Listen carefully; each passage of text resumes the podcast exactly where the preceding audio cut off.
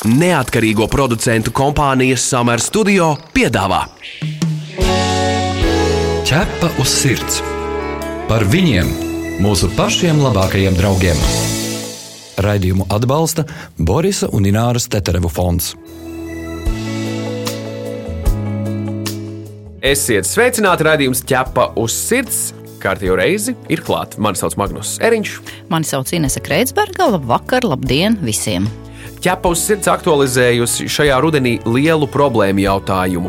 Vai esam gatavi kā sabiedrība attiekties no suņu turēšanas pie ķēdes? Jo tā vien šķiet, ka attieksme bieži pret suņiem Latvijā ir tāda tā kā divējāda. Ir suņi, kurus pucē un lutina, un tad ir tādi mistiski lielie, niknie suņi, kurus tur pie ķēdes. Nu, nu, tādi, no kuriem daudziem cilvēkiem ir bail.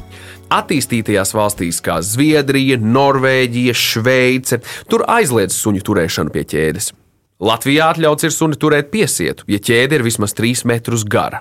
Lieki gan teikt, ka šo situāciju neviena atbildīgā institūcija nekontrolē. Bet ko darīs Latvija? Vai vispār esam gatavi suņu brīvlaišanai? Un, ja šie suņi paliek pie ķēdes, kas notiek ar viņu psihi?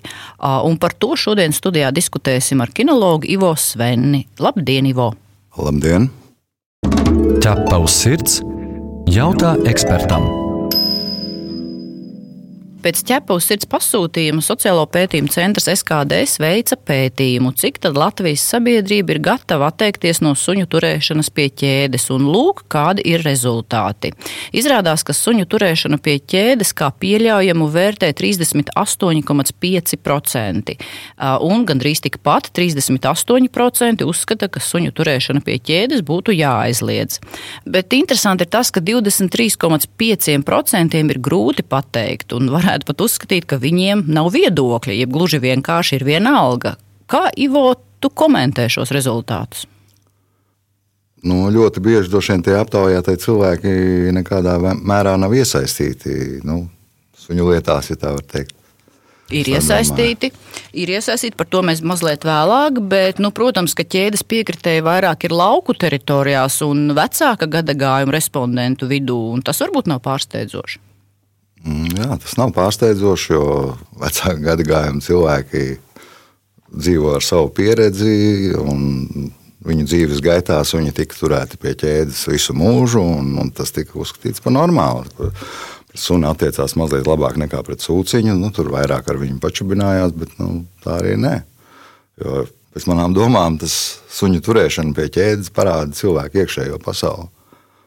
Ivo, vai vari pafilozofēt, kā tev šķiet, kas tad ir tie īstie iemesli, kāpēc suns tiek turēts pie ķēdes? Nu, dažkārt pat kucēna vecumā, kad sāk kļūt aktīvs, lai gan likums nosaka, ka suni līdz gada vecumam nedrīkst turēt piesietu.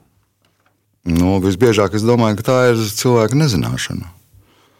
Nezināšana par to, ka to uh, nevajag darīt. Uh, nezināšana par to, kā panākt to, lai suns nav jātur pie ķēdes. Nu, bet cilvēkus, bērnus, mazus, vecus cilvēkus jau neliek uh, mājās pie ķēdes. Viņi taču ar kaut kur var aiziet. Nu, cilvēks ir cilvēks. Re, sāksim ar to. Tā tad uh, nu, nezināšana viens. Tas, nu kā, nu, tas tiek darīts tad, kad cilvēks nezina, ko darīt ar to suni. Un jautājums ir tāds, priekš kam viņam tas suns ir vajadzīgs. Nu, labi, bet te ir uzreiz jautājums, tātad, kurā brīdī parādās tavuprātā nezināšana? Viņš ir nopircis mazu mīļu kucēniņu. Kucēns spēlējās, tur ir aktīvs. Vai viņš kaut kādā brīdī apnīk tam saimniekam, vai viņš sāk izdarīt tam cilvēkam, saimniekam nevēlamas darbības, un tāpēc viņš aiz tām dusmām piesien?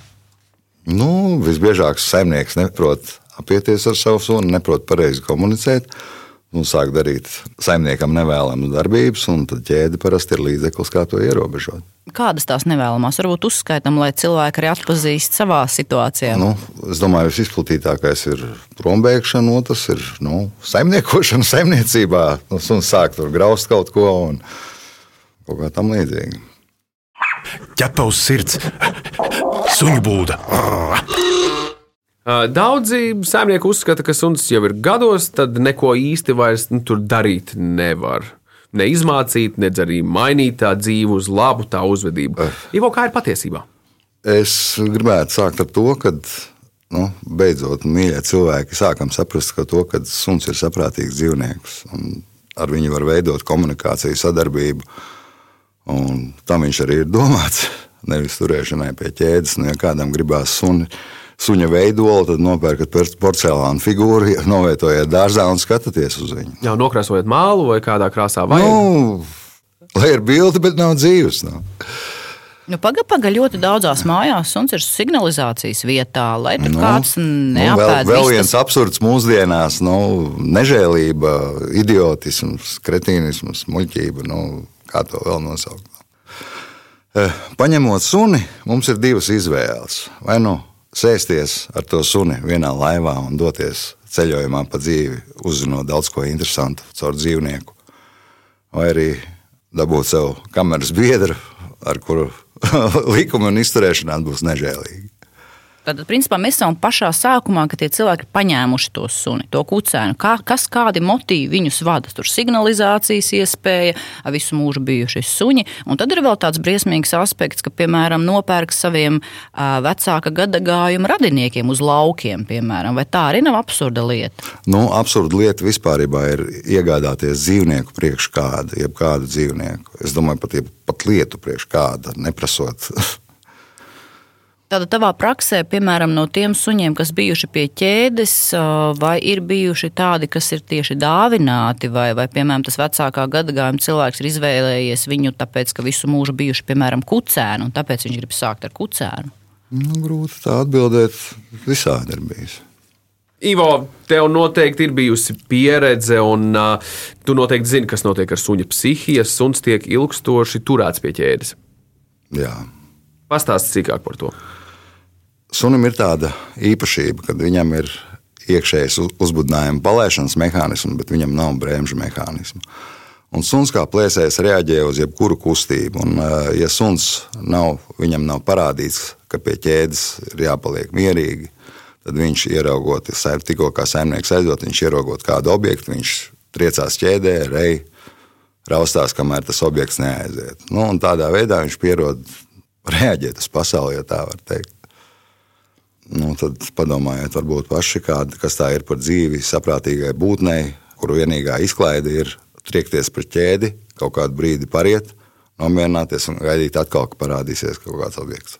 Tad vai es pareizi saprotu, ka suns, kas atrodas pie ķēdes, visu laiku ir tādā kā uzbudinājuma jā, stāvoklī? Jā. Un kas notiek ar to psihi?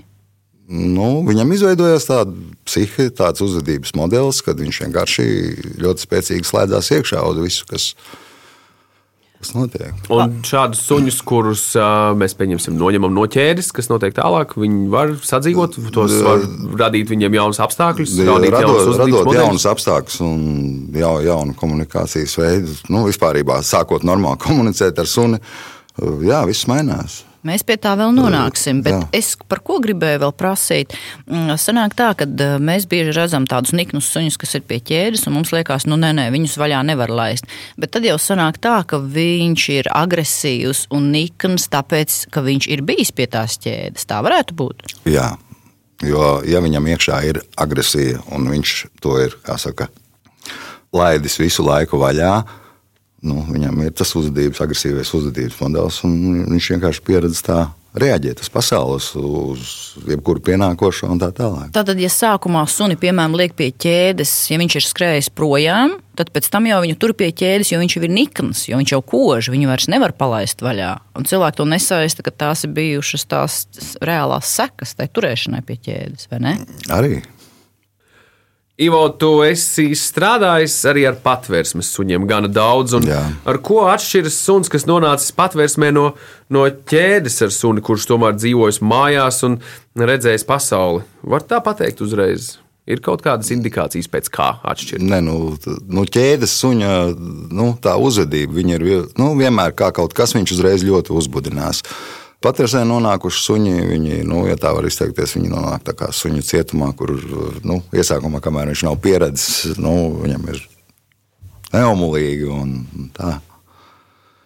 Nejūtās tur labi. Drīzāk, vien, vai ir kādas pazīmes, pēc kā var pateikt, vai viņš ir bijis tas suns pie ķēdes vai nav? Tu teici, uzbudināts. Uzbudināts, kaut... raustīgs, nu, tāds neapvaldīts, nu, mētājās viņš, kā, kā to vēl pateikt. Bet attieksme pret cilvēku? Nu, varbūt visdažādākā. Suns varbūt pie ķēdes arī nav agresīvs. Viņš priecājās par katru cilvēku. Vienkārši tās prieka izpausmes ir ļoti spēcīgas. Nu, tā arī var būt. Viņš var arī baidīties no pienācējiem, nu, ja viņam ir pārdarīts un viņš ir nobijies no tā. Tas jau nav. Nu, Bet tev ir kādi piemēri, nu, varbūt tās kāds pavisam pozitīvs, un varbūt kāds pavisam negatīvs, kur tev varbūt tās bija tās cerības, un viņas attaisnojās, un kur galīgi nebija iespējas. Tādu negatīvu piemēru es teiktu, ka man nav. Tu vari saremontēt jebkuru suni, kā tu saki. Ja, ja ir otrā pusē cilvēks, kurš darbojās, tad var sakārtot attiecības un sākt jaunu skaistu dzīvi ar to suni. Jebkurā vecumā es, es tā uzskatu. Nu, es domāju, ka lielākā daļa cilvēku ņemot suni, domā, ka tas būs viņu draugs. Pēc tam, kad draudzība nesanāk, tad viņi ļoti bieži pieliek pie ķēdes. Ja tā ir attieksme kā pret priekšmetu, kas arī ir ierakstīts principā likumā, ka eh, dzīvnieks ir cilvēka privāta īpašums. Jā. Tu pazīsti kādu īpašu dzīvnieku draugu? Tavs kaimiņš vai kolēģis palīdz nelaimē nonākušiem suņiem un kaķiem? Varbūt kāds suns vai kaķis izmainīs tavu paša dzīvi. Raksti mums, un mēs pastāstīsim šo sirsnīgo stāstu pārējiem klausītājiem. Iedrošināsim arī citus izdarīt kādu labu darbu. Gaidām jūsu vēstuli uz info atķepa uz sirds LV. Bet eh, kas ir tas, ko suņu saimnieki vēl nesaprot par saviem suņiem? Jo man, piemēram, liekas dīvaini, kāds ir patiesais iemesls ņemt šo suni, ja tam jākarājas pie ķēdes, ko tu tikko teici. Jo mēs, ķepos sirds, nu pat bijām liecinieki tam, kā pie ķēdes tiek turēts takša kucēns. Un uz jautājumu, kāpēc saimniekam ir vajadzīgs suns, viņš atbild. Man visu mūžu bijuši suņi, man patīk. Tad kas tad tur īsti tam cilvēkam var patikt? Nu, tur kaut kas nav kārtībā. Ar dzīves uztveri, es domāju, tam cilvēkam. Tu vari, tāpēc, ka patīk paņemt nu, pie sevis dzīvnieku un turēt viņu piesiet. Nu. Tikpat Labi, nu, vīru vai sievu paņem un piesien, nu, tāpēc, ka patīk. Noķer un piesien. Bet ko tu teiktu tam cilvēkam, kurš, piemēram, tur šo te sunu pie ķēdes vai kucēnu pie ķēdes? Nu, tu esi viens pret viens ar viņu vienā telpā. Tas nav pareizi.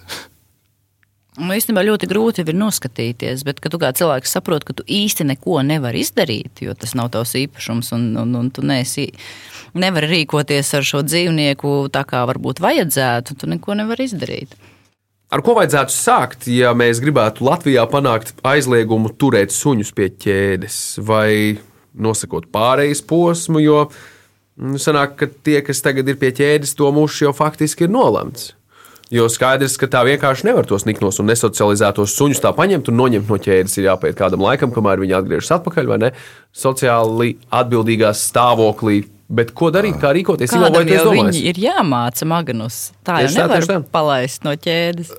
Es domāju, ka eh, diez vai būtu pareizi strādāt ar kā saka, atpakaļ dejo, ejošu datumu un ar tiem, kas jau ir pie ķēdes. Bet uh, radīt jaunus apstākļus tā, lai cilvēks, kad ņem suni, viņam ir jābūt atbildīgam par to suni. Tad sanāk, ka esošo ķēdes suņu mūžs nu, praktiski kā nolemts. Arī esošo cilvēku mūžs ir nolēmts. Ja viņi ne, negrasās mainīt savu uh, domāšanu, uztveri, re- redzējumu, nu, kā mēs varam ietekmēt to, kad viņš netur savu sunu pie ķēdes. Bet ar ko vajadzētu sākt, ja mēs gribētu panākt to aizliegumu turēt suņus pie ķēdes? Stingrākus um, nezinu, dzīvnieku iegādes nosacījumus, vai, vien, vai staigāt policijai un, un pārbaudīt, likt sodus, Uh, varbūt noteikti sodīšanu. stingrākus, uh, obligātus tur reģistrācijas, stingrākus uh, iegādes nosacījumus, atbildību kaut kādu apmācības ziņā. Vai soda naudas varētu cilvēks varbūt atturēt, neņemt to Nu, sunu? soda naudas nekad neko nav atturējuši. es tā domāju. Vai tad tas nedara, kas tad darētu? Kas būtu tavuprāt tāda pareiza rīcība, ko varbūt kāda valsts ir izdarījusi? Nu, piemēram, ir valstis, kas tomēr nu, bargi, bargi soda teiksim, tos cilvēkus, kas izturās pret dzīvniekiem nežēlīgi. Viņi to, nu, to kārtību ir panākuši ar stingriem sodiem. Nu, ja tas darbojās, tad varbūt arī. Jā.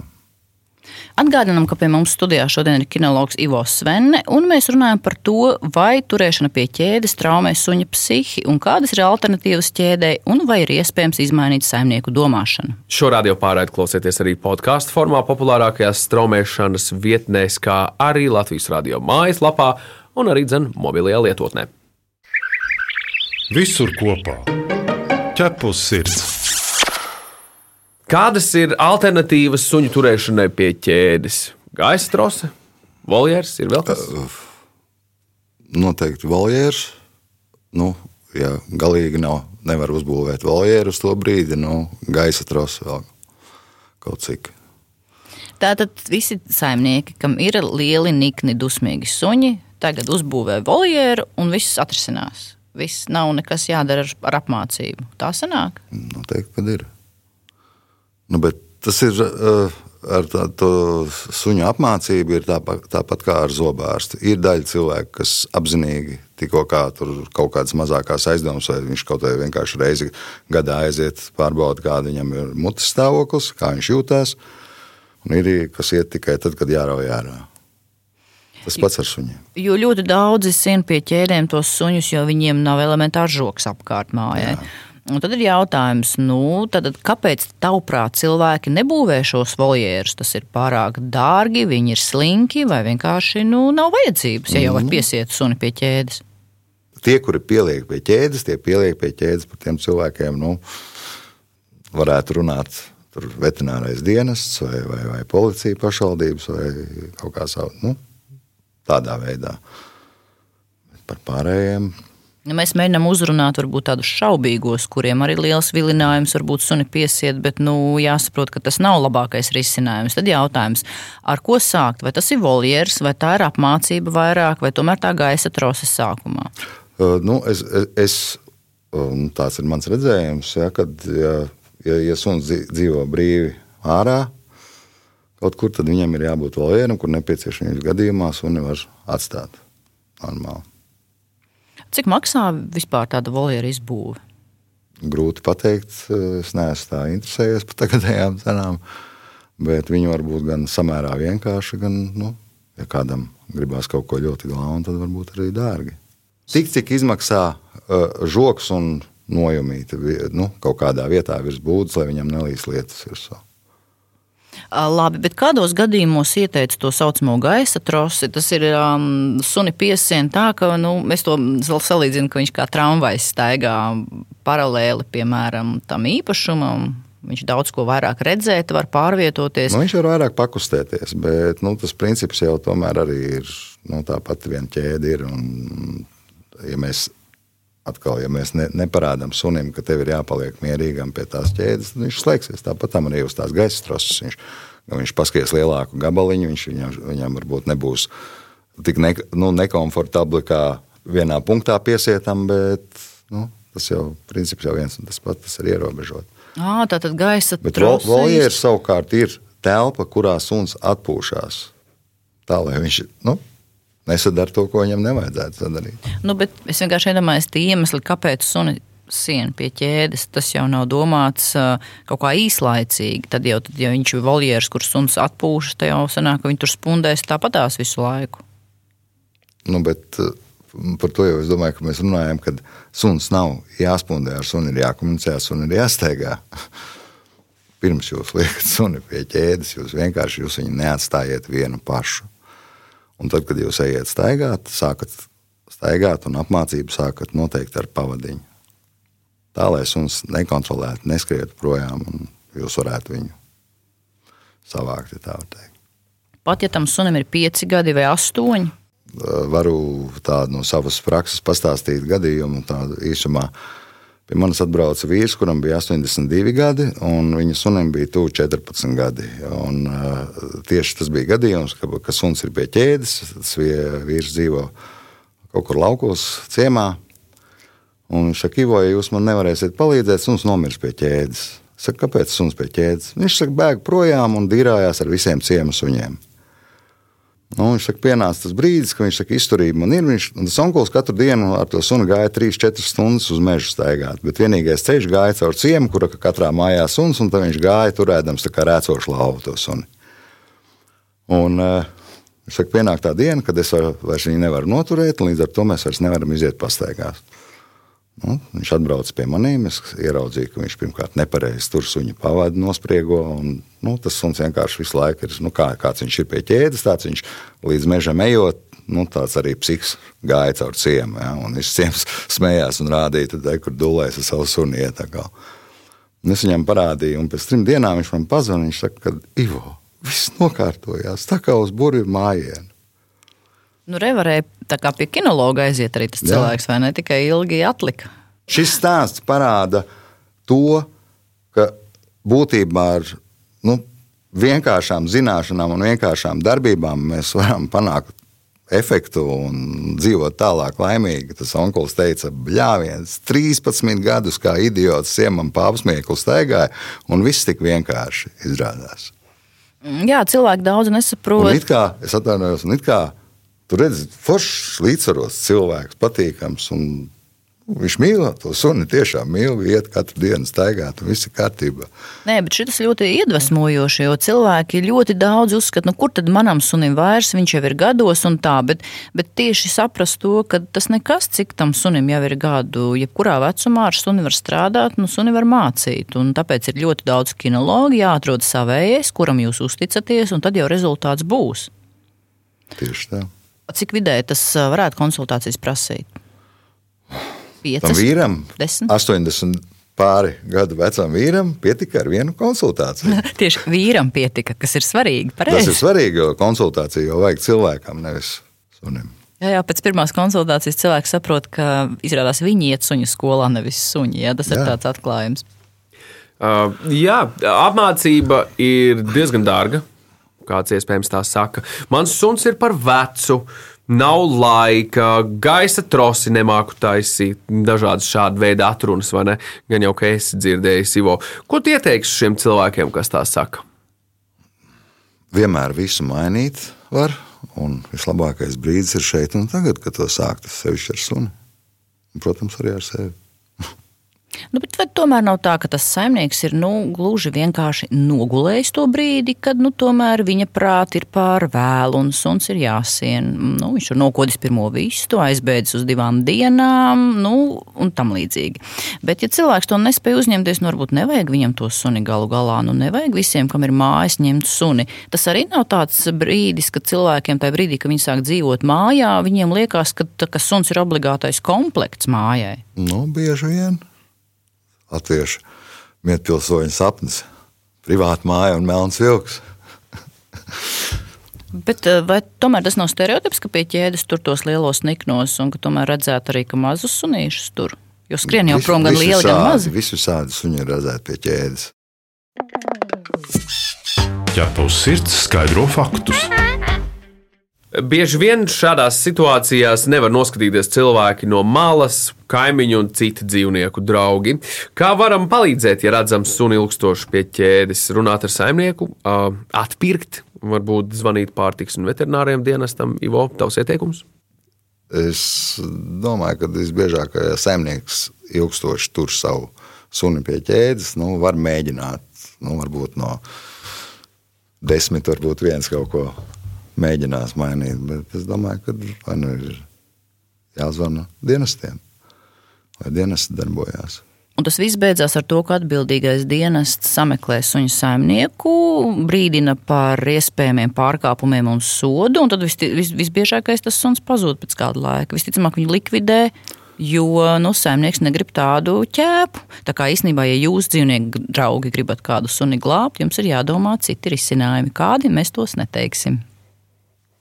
Bet tas, kas bija šajā socioloģiskajā aptaujā, vēl interesanti, ka par suņu turēšanu pie ķēdes iestājas vairāk tie cilvēki, kuriem sava suņa nav. Nu, tad loģiski, ja tiem, kam bija savi suņi un kaķi, tie tomēr, protams, bija vairāk empātiski. Bet tad sanāk, ka dzīvnieku draugi, suņu īpašnieki vairāk ir pret ķēdēm. Tas jā, bet par ko tas liecina, ka Latvijā ir pārāk maz dzīvnieku mīļu? Pēc mūsu raidījuma, ja kāds no tiem 28% paklau, būs paklausījies, tad viņš būs pret ķēdēm. Nu, mēs ceram, jā, jā jo, jo tie šaubīgi ceram. ir 24%. Tev šobrīd ir iespēja uzrunāt ļoti lielu auditoriju. Varbūt ir kaut kas tāds, ko tu cilvēkiem esi vienmēr gribējis pateikt, bet nu, tev, nu, tu redzi, ka tu neesi pateicis, vai pēc tam nu, varbūt esi aizmirsis un atcerējies. Varbūt ir kaut kas tāds, ko tiem cilvēkiem vajadzētu zināt par suņiem. Viņi joprojām nezina. Tas, ka šajā informācijas pār, pārbagātības laikmetā, ņemot tādu uh, būtni kā suns sev uz 11 gadiem. Un, ja cilvēks nevīžo izprast un saprast, ko nozīmē šī būtne, ko ar viņu var darīt, kā, kā sadzīvot, nu tad viņam noteikti nevajadzētu to suni. Un, ko es vēlētos pateikt, kad pieliekot suni pie ķēdes, tu izvēlējies 11 gadus dzīvot ar cietumnieku, kurus pa cietumnieku es pataisīšu to. Paldies, Ivo, par sarunu! Paldies par iespēju izteikties. Šajā reizē pie mums studijā kinologs Ivo Sven. Ivo, līdz nākamajai reizei. Paldies! Tu esi mans draugs, ķepus sirds. Bet nu, šī tēma, protams, tiks turpināta arī nākamajos raidījumos, un mēs arī aicinām jūs atsaukties. Ja jums ir zināmas kādas adreses, kur ilgstoši tiek pie ķēdes turēts suns, ziņojiet mums ķepai uz sirds. Varat arī ziņot anonīmi. Atgādinām, ka ķepa uz sirds TV raidījums redzams sestdienās. 11,15 minūtēs atkārtojums Svētdienās LTV1. Mēs arī gaidām jūsu jautājumus, ierosinājumus, idejas, sižetiem. Rakstiet mums info atķepa uz sirds.lv. Bet šajā raidījumā tas ir arī viss. Mani sauc Inese Kreitsberga. Mani sauc Magnus Eriņš. Raidījumu veidoja neatkarīgo producentu kompānija Summer Studio. Visu labu! Atā. Ķepa uz sirds! Informatīvi izglītojoši raidījums par dzīvnieku pasauli un cilvēkiem tajā. Raidījumu atbalsta Borisa un Ināras Teterevu fonds.